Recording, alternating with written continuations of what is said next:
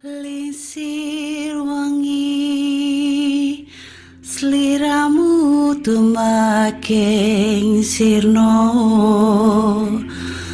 Ojo tangikanmu guling Awas jok ngetoro. Aku lagi bang wingo wingo. Jin setan kang tak utusi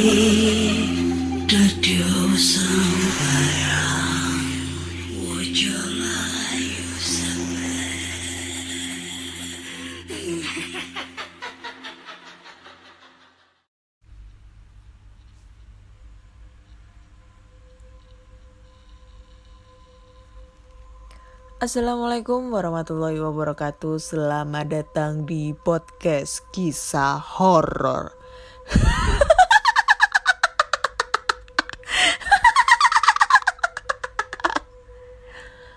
Masih bersama dengan Ana di sini akan membacakan cerita horor ataupun email berantai yang sudah dikirimkan teman-teman melalui podcast kisah horor at gmail.com ataupun di DM Instagram podcast kisah horor dan DM Instagram Ana Olive. Udah gak kerasa podcast kisah horor ini udah masuk ke episode 75 Wih 75 ya. Gak tahu ini uh, bakal sampai episode berapa Entah sampai ratusan, entah sampai ribuan. Aduh amin amin ya rabbal alamin. Dan uh, Apa ya aku mau ngomong apa tadi? Oh ya sebelumnya aku mau mengucapkan uh, Selamat ulang tahun buat temen aku namanya Nindya Cile Nindya. Lu mau nikah besok anjir. Gue kapan ya happy birthday buat Nindya semoga panjang umur saya selalu dan dilancarkan rezekinya. Semoga sam lancar sampai hari H ya untuk pernikahannya. Dan gak ketinggalan juga aku mau mengucapkan buat teman-teman pendengar podcast kisah horor yang berulang tahun hari ini tanggal 3 Februari 2021 selamat ulang tahun panjang umur sehat selalu dilancarkan rezekinya. Kalau yang belum dapat jodoh dientengkan jodohnya ya. Uh, moga dapat uh, tahun ini nikah gitu ya. Amin. Kayak aku juga pengen banget tahun ini nikah. Waduh. amin amin ya robbal alamin. Oke. Okay. gimana nih pengalaman kalian di hari ini di memasuki tahun 2021 bulan 2 apakah uh, seru gitu di awal-awal tahun ini? Apakah membosankan? Biasa-biasa aja. Kalau aku sih bukan membosankan bukan biasa-biasa aja tapi menyedihkan ya. Menyedihkan. Menyedihkan sekali karena aku nggak dianggap sama pacar aku. Aduh kok gabut sih jadinya galau. Nggak penting anjing. Ngapain aku ngomong kayak gini? Nggak penting banget. Tuh kah. Oke lah. Daripada aku gak jelas ngomongnya langsung aja kita bacakan cerita-cerita horor ya udah mulai gak jelas ngobrol-ngobrol apaan juga hmm, oke okay. cerita pertama ini kita bacakan dari email.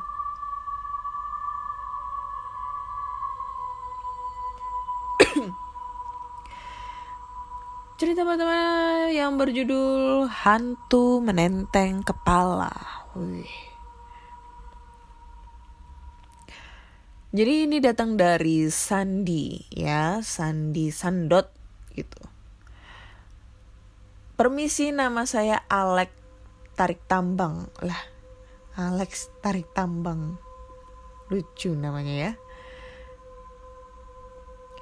Saya minta tolong bacain kisah horor saya kepada podcast kisah horor. Oke langsung aja ke ceritanya soalnya saya capek ngetik panjang-panjang nggak ada yang nyuruh Bambang. Oke. Rumah saya di Lampung tepatnya Lampung Timur tapi bagian pelosok tapi nggak pelosok banget. Masih ada jalan aspal soalnya. Anjir langsung aja tutup poinnya. Ya rumahmu nggak pelosok tapi agak ke kota tapi nggak kota banget. Tapi uh, jalannya rusak tapi nggak begitu rusak karena ada aspal aspalnya tapi setidaknya bisa dilewatin motor. Udah gitu aja intinya ya. Sama aja. Jadi sebelum aku pindah ke rumahku yang sekarang aku tinggal di rumah yang lumayan besar. Dulunya orang eh dulunya orang punya keluarga saya di kampung saya. Tapi sekarang udah pindah gara-gara ayah saya bangkrut. Tapi bukan soal rumah saya. Ini tentang tetangga saya yang di depan rumah saya yang besar dulu. Nah, jadi gini. Tetangga saya itu tinggal bersama suaminya. Jadi cuman berdua suami istri dan sudah lansia sekitar umur 60 tahunan. Keduanya sudah saya anggap seperti nenek dan kakek saya sendiri. Tapi nggak tahu dia nganggap saya apa enggak. Aduh, kasihan banget loh. Ini backsound backsoundnya kegedean ya. Tahan dulu. Nah, kegedean anjir. Rumahnya itu emang dilihat dari pandangan seperti rumah sunyi. Agak-agak kayak agak-agak kayak rumah kosong gitu gitu deh. Nah, di belakang rumahnya ada pohon bambu dan kebun-kebun duren sama kopi. Pas di depan rumah nenek itu depannya rumahku dulu. Nah, ceritanya panggil aja nenek Ti ya. Nenek Ti ini seneng banget menjahit. Kalau di tempatku namanya dondom. Itu sejenis ngerajut dan sukanya itu ngias-ngias taplak meja atau kerudung dan lain-lain dan lain-lain. Itu hampir setiap malam karena juga nggak ada hiburan juga. Nah, tapi setiap malam, setiap dia menjahit jarum yang ditaruh eh dan teh gimana sih nih? Nah, tapi setiap malam, setiap dia menjahit, jarum yang ditaruh selalu hilang Setidaknya satu hari satu sampai tiga jarum pasti hilang dan hampir setiap hari Bahti ini mesti menjahit dan kalau menjahit paling tidak satu pasti ada yang hilang.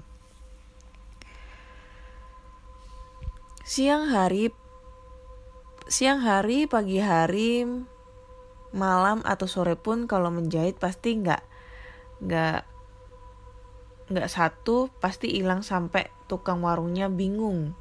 Kok jarum baru kemarin beli satu wadah, udah beli lagi gitu. Dan suatu saat, Mbah Ti ini kesel. Kok hilang-hilang terus? Mbah Ti ngomong sama kakek. Terus dicarilah berdua, tapi nggak nemu jarum satupun.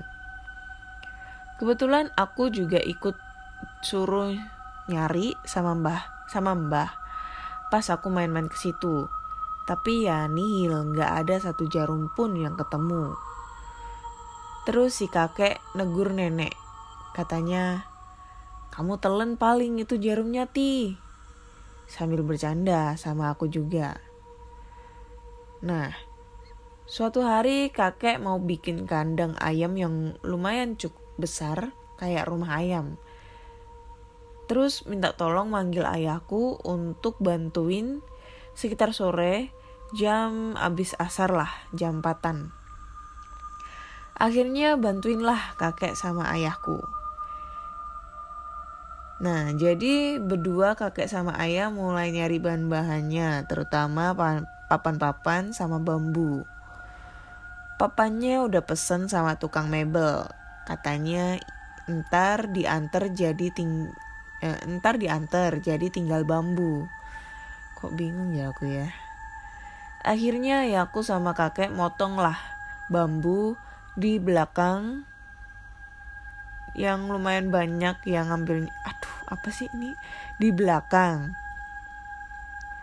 Lumayan banyak ya ngambilnya soalnya bikin kandang ayamnya juga besar. 8 meter kali 7 meter dan tinggi 4 meter. Kebetulan tetangga kakek kiri rumah datang terus bilang sama kakek, Kek, Saya beli bambunya 8 loncor ya. Sekalian potongin juga. Mau buat benerin dapur ada yang keropos-keropos. Terus kakek menjawab. Oh iya Kang, tak potongin sekalian. Terus jadi kakek sama ayah motongnya jadi banyak. Sekarang dan lah anjir lah bingung aku ini ya.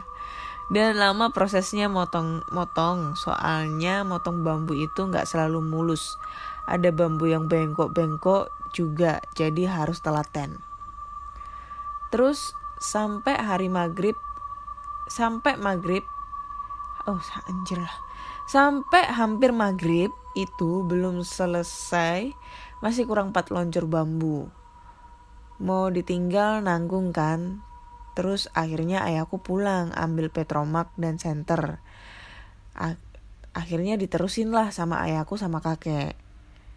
Akhirnya selesailah empat loncor ini dan pas abis maghrib selesai, sebelum pulang kakek dan ayahku ini istirahat sebentar ngabisin kopi sambil ngerokok di atas tumpukan bambu-bambu yang baru dipotongin itu. Pada asik-asik ngobrol, tiba-tiba ayahku dengar suara kretek-kretek, tok-tok kayak bambu mau patah gitu. Ayahku bilang sama kakek, dengar gak kayak itu, kretek-kretek? Terus kakeknya jawab, iya denger. Mungkin bambu mau patah itu, ya udah tebang aja sekalian. Akhirnya ayahku mencari sumber bambu yang bunyi itu dan mau ditebang sama ayahku. Terus dia mencari bambu yang dipikirnya mau patah itu. Dia senter-senter ke arah pohon bambu dan di area tengah-tengah pohon bambu, ayahku seketika melihat laki-laki, kepalanya ditenteng, tingginya 2 meteran. Terus kepalanya itu rambutnya panjang, keribuk-keribuk gitu, memakai jubah hitam, matanya merah besar, dan kepalanya itu senyum lebar sampai ke telinganya. Spontan ayahku teriak sama kakek, terus akhirnya lari berdua dan ditinggal semua lampu dan alat-alatnya. Ayahku pulang tergesa-gesa, Terus ayahku mandi, sholat, abis itu belum berani cerita ke siapa-siapa termasuk ibuku. Keesokan harinya, kakek manggil ayahku lagi untuk ngambil bambu. Ayah sama eh apa ini? Bambu. Ngambil bambu. Ayah dan kakek kembali ke pohon bambu untuk mulai membelah-belah bambunya buat kandang ayam tersebut. Nah, sesampainya di pohon, ada pohon bambu tumbang. Satu. Terus sama ayahku dipotong, dibawa ke rumah kakek sekalian lah. Akhirnya selesai ngusungi atau mindahin bambunya ke rumah kakek, dibelah-belah sama kakek sama ayahku. Seketika kakek kaget melihat pohon bambu yang tadi tumbang, dipotong ayahku tadi mengeluarkan asap, terus kakek bilang lah sama ayahku, Heh, lihatan itu bambumu tadi. Terus ayahku kaget. Akhirnya ayahku membelah bambu itu jadi dua bagian. Alangkah terkejutnya lagi ayahku dan kakek melihat di, di dalam bambu itu ada banyak sekali jarum-jarum jahit yang hampir memenuhi seisi bambu itu. Kakekku kepikiran sama nenek yang sering kehilangan jarumnya. Mitos-mitosnya penduduk situ katanya makhluk yang menenteng kepala itu suka mencuri jarum karena mau menyambung kepalanya yang lepas. Ternyata bukan hanya Mbah Ti aja yang suka kehilangan jarum, tapi juga tetangga-tetanggaku juga. Karena tapi karena tetangga-tetanggaku jarang jahit-jahit gitu, jadi itu menurut mereka biasa kirain jatuh nancap ke kecoa terus dibawa kabur gitu. Ah, gimana gimana? Anjir. Tapi kalau Mbak Ti itu kan sering menjahit jadi kerasa banget kalau kalau setiap dia menjahit pasti ada yang hilang. Oke, begitulah ceritanya. Sekian cerita dari saya juga. Saya capek ngetik. My name is Sense. Good luck. Send from Vivo smartphone. Send from Vivo smartphone. Aduh. Pusing aku ngebacanya. Ya, itulah ceritanya tentang hantu laki-laki menenteng kepala. Jujur, aku pusing bacanya. nggak nggak ngerti apa ya, maksudnya tata letak tata letak untuk tanda bacanya agak kurang sempurna sama kata-katanya ya. Tapi yang yang aku tangkep ini ya, yang aku tangkep jadi si ayahnya ini, lagi motong-motong bambu yang lagi tumbang dan kemudian eh motong-motong bambu dan kemudian dia melihat sosok sosok laki-laki yang sedang menenteng kepalanya dengan rambutnya yang keribu, matanya yang merah dan senyuman yang lebar sampai ke telinganya. Terus mereka larilah berdua. Keesokan harinya si kakeknya ini menyuruh ayah ayahnya ini untuk uh, memotong bambu lagi. Nah pas dipotong uh, si bambu ini mengeluarkan asap gitu mengeluarkan asap terus dipotong lah sama si bapaknya ini menjadi dua dua bagian. Dan pas di, dilihat di dalamnya ternyata ada banyak banget jarum-jarum yang ada di situ.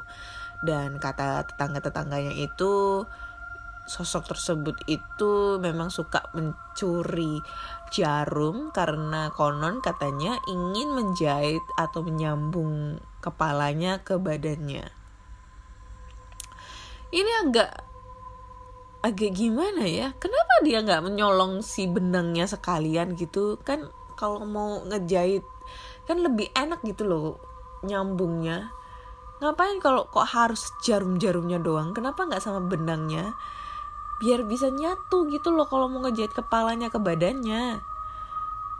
Aneh gitu loh. Nggak tahu deh. Aneh.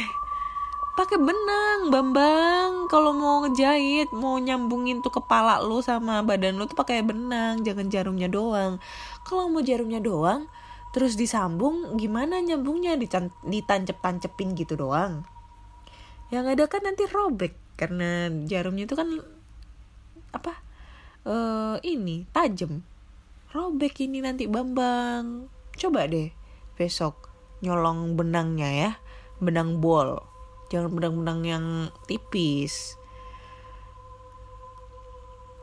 Lagian aneh-aneh juga setan nyolong jarum. Buat apa? Setahu aku sih ya hantu-hantu tuh takut loh dengan benda-benda tajam seperti kuntilanak itu takut banget dengan benda tajam karena mitosnya itu kan jika kuntilanak ini ubun-ubunnya dipaku gitu pakai pak pasak atau paku itu dia berubah menjadi manusia gitu kan. Makanya setiap wanita-wanita ibu-ibu hamil besar gitu dia selalu menyelipkan bawa gunting lipat pisau lip apa silet atau mungkin memakai peniti di bajunya gitu kan. Supaya nggak ada nggak ada kuntilanak yang ganggu gitu. Wah nggak tahu juga sih. Oke lanjutlah cerita berikutnya ini datang dari Merari Natasha Prima Kirana Wih anjay namanya panjang sekali Oke Halo nama aku Ica Begitu biasa orang-orang memanggil nama aku. Aku mau share cerita pengalaman aku akhir-akhir ini. Sekitar beberapa hari yang lalu ini, aku sering banget ngeliat bayangan putih, kadang bayangan se seliweran, kadang bayangan hitam besar. Pernah juga aku lihat di cermin ada hantu dengan hanya kepala dan wajahnya yang terlihat ia menatapku tajam dari cermin yang aku lihat. Wajahnya putih, retak-retak, dengan mata sepenuhnya hitam, dengan pupil kecil, pupil kecil berwarna putih dan rambut riap-riapan saat menengok anjir lah ini nggak tanda bacanya. Saat menengok wajah ke belakang tidak ada apa-apa. Ketika aku lihat ke cermin, hantu itu masih ada dan menatapku dengan tatapan yang sama hingga akhirnya omku datang dan memanggilku lalu aku pun menghampiri omku.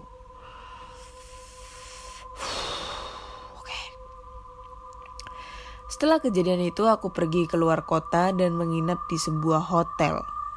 Ketika pulang dari hotel, aku diikuti oleh seorang anak kecil. Kata temanku yang indigo, dia bilang bahwa anak kecil itu suka padaku karena aku mirip kakaknya. Selain dia melihat anak kecil itu, dia juga melihat seorang pengawal kerajaan tinggi besar, berkulit hitam, membawa pedang di tangan dan panah di punggung. Dia memakai baju khas kerajaan dan dia bilang dia adalah pengawalku karena memang dari ayah dan ibuku masing-masing masih memiliki darah keturunan raja. Ketika anak kecil itu mulai menggangguku, tubuhku ter tubuhku, terutama punggungku, terasa berat dan terasa sulit untukku bernafas dan merasa pusing. Kata temanku, anak kecil itu sedang memelukku dari belakang. Lama-lama terasa semakin sulit bernafas. Temanku yang bisa berkomunikasi tak bisa mengusir anak kecil itu, karena katanya anak kecil itu tak mau meninggalkanku hingga akhirnya pengawalku itulah yang mengusir anak kecil itu. Itu pun kata temanku. Setelah itu banyak kejadian menimpaku, seperti di rumah Pintu kamar terbuka dan tertutup dengan keras, seperti orang yang sedang marah. Lalu saat tidur dari kamar mandi kamarku, aku tiba-tiba terjaga dan melihat seorang wanita bertangan panjang sepanjang tubuhnya, tapi dia berjalan mengesot dengan memakai kedua sikunya. Rambutnya riap-riapan menutupi wajahnya, kukunya panjang, dan kurus seperti hanya tulang dan kulit yang membungkus tubuhnya. Ia menghampiri ke tempat tidurku, tapi lagi-lagi dia tiba-tiba menghilang seperti ada yang mengusirnya. Kata temanku lagi yang mengusirnya adalah pengawalku. Aku penasaran sekali dengan pengawalku itu, ingin rasanya berkomunikasi, tapi kata temanku susah karena ia tidak mau. Percaya atau enggak kalian sama ceritaku ini, sumpah, ini real kejadian nyata. Eh. Aduh, pusing aku. Pengawal. Aduh, pakai baju kerajaan, pengawal pedang, ada panah, gak keberatan ya itu ya. Jadi setiap ada setan-setan liar yang ngedeketin si Ica ini, langsung dipedang sama pengawalnya atau dipanah sama pengawalnya. Panah asmara anjir. Hmm. ya nggak tahu ya. Percaya nggak percaya? Karena memang setiap manusia itu mempunyai khorin sama kodam. Dan mungkin ini kan namanya kodam kali ya eh, pengawal jin yang mendampingi ibaratnya kayak gitu ya tapi kalau semisalnya ada yang kayak gini sih ya jujur aja sih percaya nggak percaya ya. Uh, tentang kejadian kayak gini nggak tahu juga gitu.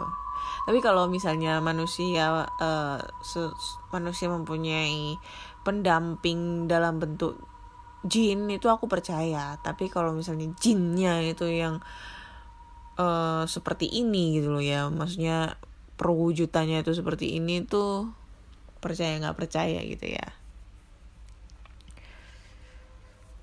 nggak tahu lagi deh oke next kita lanjut ke cerita berikutnya cerita berikutnya ini yang berjudul Misteri Rombongan Mayat. Oke. Halo Kak Ana, langsung aja ke ceritanya. Tolong jangan sebutkan namaku ya. Aku tinggal di kota K, Jawa Tengah, Kudus. Aku mau berbagi kisah horor yang dialami bapakku sekitar enam bulan lalu. Jadi ceritanya begini. Rumahku termasuk di wilayah pedesaan. Walaupun udah agak rame, tapi jarak antara rumahku dan tetangga-tetanggaku kurang lebih sekitar 30 meteran. Karena dipisah kebun sama jalan dan ada rumah juga tepat di depan rumahku di seberang jalan desa. Walaupun udah ada penerangan sepanjang jalan desa, namun tetap aja Namanya desa agak gelap dan sepi kalau udah dini hari. Ya di kota juga sepi dini hari. Jadi pada saat pada suatu malam aku lupa hari apa. Bapakku kan memang suka tidur malam karena beliau suka nonton TV sampai TV-nya yang gantian nonton beliau. Nah, malam itu sekitar jam 2-an, Bapak masih nonton TV. Tiba-tiba beliau lapar dan di rumah gak ada apa-apa. Jadi bapak memutuskan keluar ke depan mau ngambil rambutan. Kebetulan di depan rumah ada rambutan. Bapak sambil ngeliat-ngeliat rambutan yang bisa diambil tanpa manjat. Waktu itu dikejutkan dari kejauhan sekitar 300 meteran dari rumahku di arah selatan ada rombongan orang nganter mayat lengkap dengan keranda pengiringnya yang lumayan banyak. Ngeri. Walaupun tidak terlalu jelas, tapi bayangan mereka dan keranda kelihatan jelas. Bapakku masih gak percaya. Beliau mantengin rombongan itu sampai kira-kira jarak 100 meter. Sampai bapak akhirnya ngeri dan masuk rumah lalu ngintip dari jendela ruang tamu. Ternyata tuh rombongan gak hilang dan masih tetap jalan. Jarak kira-kira 50 meter, Bapak memutuskan bangunin ibu di kamar dan Bapak lari sendiri ke ruang tamu buat ngintip lagi. Eh, tuh rombongan udah tepat lewat depan rumah. Tapi anehnya, rombongan itu jalan lurus terus harusnya kalau emang orang meninggalkan belok kanan di pertigaan setelah rumahku ada pemakaman tinggal belok kanan itu sekitar satu kilo dia malah lurus ke utara setelah rombongan lewat depan rumah bapak keluar lagi buat ngeliat sama ibu yang baru dat baru gabung dari kamar kira-kira 50 meter dari rumahku rombongan itu udah hilang. Wajib. Sekitar lima menitan ada motor lewat dari utara. Logikanya, kalau dia ketemu orang meninggal juga, dia pasti berhenti nanya bapakku, siapa yang dikuburin dini hari gini. Eh, dia malah kelakson aja ke bapakku yang lagi di pinggir jalan sama ibu. Tapi ibu nggak lihat, soalnya pas ibu datang keluar, itu rombongan udah hilang. Setelah itu bapak masuk ke dalam sama ibu dan melupakan hal itu. Selang seminggu kemudian di tempat di tempat tepat rombongan itu pertama kali muncul, ada orang tua jatuh kepleset saat jalan kaki dan meninggal. Selang beberapa hari, paman ayahku meninggal. Mungkin itu pertanda apa gimana ya? Bapak baru cerita seminggu setelah kejadian tersebut. Thanks Kak Ana udah dibacakan. Oke. Okay. Ini serem ya jatuhnya ya. Anjir lah, serem banget ini sumpah. Jadi bapaknya itu ngeliat segerombolan rombongan mayat yang melintasi rumahnya di depan rumahnya.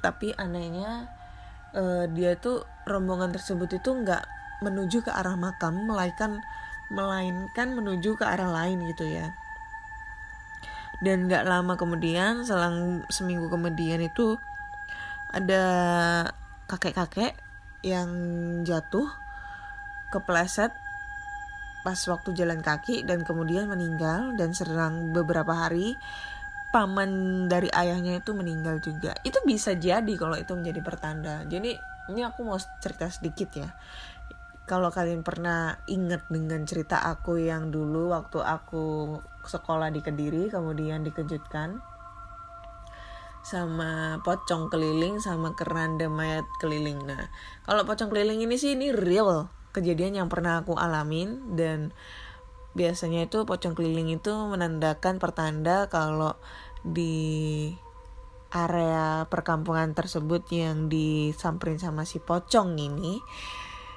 uh, pasti keesokan harinya atau berapa hari ke depannya itu pasti ada salah satu warga yang meninggal gitu. Nah ini ada teman aku di rumahnya di Kediri juga. Dia itu menceritakan tentang pengalaman di kampungnya. Jadi di kampungnya ini uh, lebih tepatnya di desa ya, desa daerah Merican Nah, di situ kan ada balai desa. Nah, kemudian kebetulan balai desanya itu balai desa tipe lama gitu ya, tipe lama banget. Dan balai desa tersebut tem juga menyimpan keranda dibuat menyimpan keranda mayat gitu ya. Di depan balai desa tersebut di halamannya ada sebuah kentongan. Nah, kentongan ini biasa dipakai sama orang-orang desa kalau misalnya ada kejadian, ada berita-berita.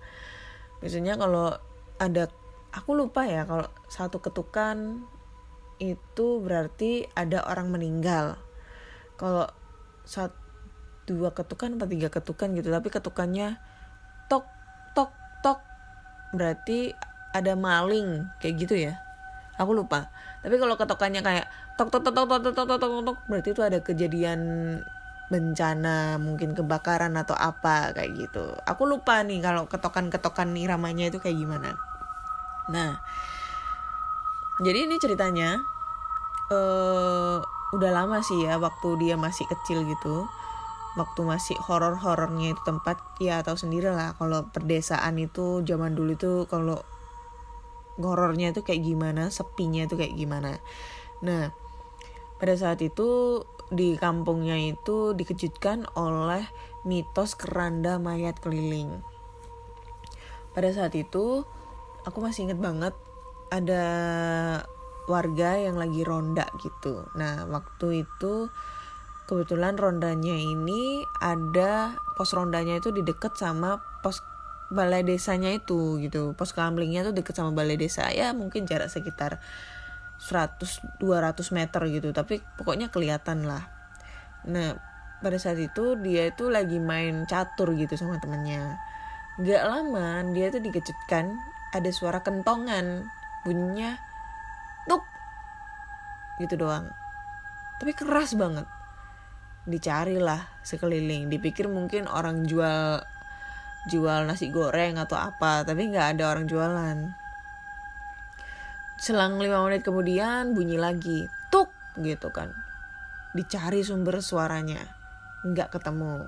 Oke dihirauin masih dihirauin lalu bunyi lagi tuk. Nah ini kebetulan waktu itu yang jaga itu ada sekitar 2 sampai tiga orang dan mereka tuh kayak penasaran gitu. Eh bunyi apa sih? Siapa sih yang main kentongan gitu kan? Nah pas dicek sekeliling itu dia ngeliat mereka ngeliat kentongan yang ada di balai desa itu kan posisinya posisinya kan digantung. Itu kayak goyang-goyang gitu ada yang habis habis ngegoyangin gitu. Padahal nggak ada angin lewat dan kentongannya itu gede banget gitu loh. Nah merasa curiga mungkin ada maling mereka tuh kayak keliling di sekitar uh, apa namanya balai desa sama sekitar gang-gang yang ada di balai desa gitu. Takutnya ada maling gitu kan. Pas dicek-cek gak ada baliklah mereka ke pos kamling. Setelah mereka balik ke pos kamling dan dan apa namanya itu melanjutkan permainan catur mereka mereka tuh dikejutkan ada suara yang ada suara gubrak-gubrak gitu dari arah balai desa kayak apa ya Krr, apa sih kayak barang barang barang dibentur-bentur lah kayak gebrak-gebrak gitu loh. Terus mereka penasaran. Dan pas dilihatnya tapi nggak dilihat mendekat melainkan dilihat dari arah pos kampling mereka ngelihat keren keranda mayat yang ada di dalam pos kamling karena posisinya di uh, sampingnya sampingnya itu ada pintu ruangan khusus untuk men, apa namanya menyimpan keranda mayat tong-tong gitu yang buat mandikan. Itu mereka kaget karena ngelihat keranda mayatnya itu tiba-tiba keluar dari ruangan tersebut. Padahal mereka mereka itu tahu kalau ruangan tersebut itu pasti dikunci. Dan mereka melihat dengan kepala dengan mata kepala mereka sendiri kalau keranda mayatnya itu keluar dan gak ada yang mengeluarkan. Langsung mereka lari tunggang langgang. Dan ternyata keesokan harinya uh, ada salah satu warga itu meninggal gitu. Jadi ibaratnya itu mereka percaya mitosnya di rum, di kampungnya itu kalau ada keranda mayat keliling gitu itu pasti ada salah satu warga di daerah tersebut yang akan meninggal kayak gitu. Mungkin di tempat kalian pasti ada cerita-cerita kayak gini kali ya. Kali. Hmm. Oke. Okay. Udah ya kayaknya ya, udah tiga cerita yang aku bacakan. Plus satu cerita dari aku. So buat kalian semua yang yang ingin bercerita langsung kalian bisa langsung aja mampir ke podcast kisah horror gmail.com atau di DM Instagram podcast kisah horror dan DM Instagram Ana Olive atau juga kalian bisa langsung aja kirim ceritanya ke Google Form Linknya ada di link tree di bio podcast kisah horor Instagramnya ya. Jangan lupa klik uh, linknya, link tree-nya. Nanti di situ ada link menuju ke Google Form link menuju ke Spotify, dan link menuju ke YouTube. Karena kemarin aku sudah upload cerita terbaru di YouTube yang belum pernah aku ceritakan di Spotify. Jangan lupa mampir, subscribe, lalu like, comment, dan share. Oke? Okay? Udah deh, kayak gitu aja deh. Kayaknya karena udah nggak mood dengan dua cerita pertama yang nggak bisa aku baca jadinya mungkin nggak nggak ini ya nggak mood banget untuk ngebacain cerita berikutnya Oke, okay, thank you semua yang udah ngedengerin podcast kisah horror di episode 75. Nantikan podcast kisah horror kembali di episode 76. Terima kasih semuanya dan selamat malam.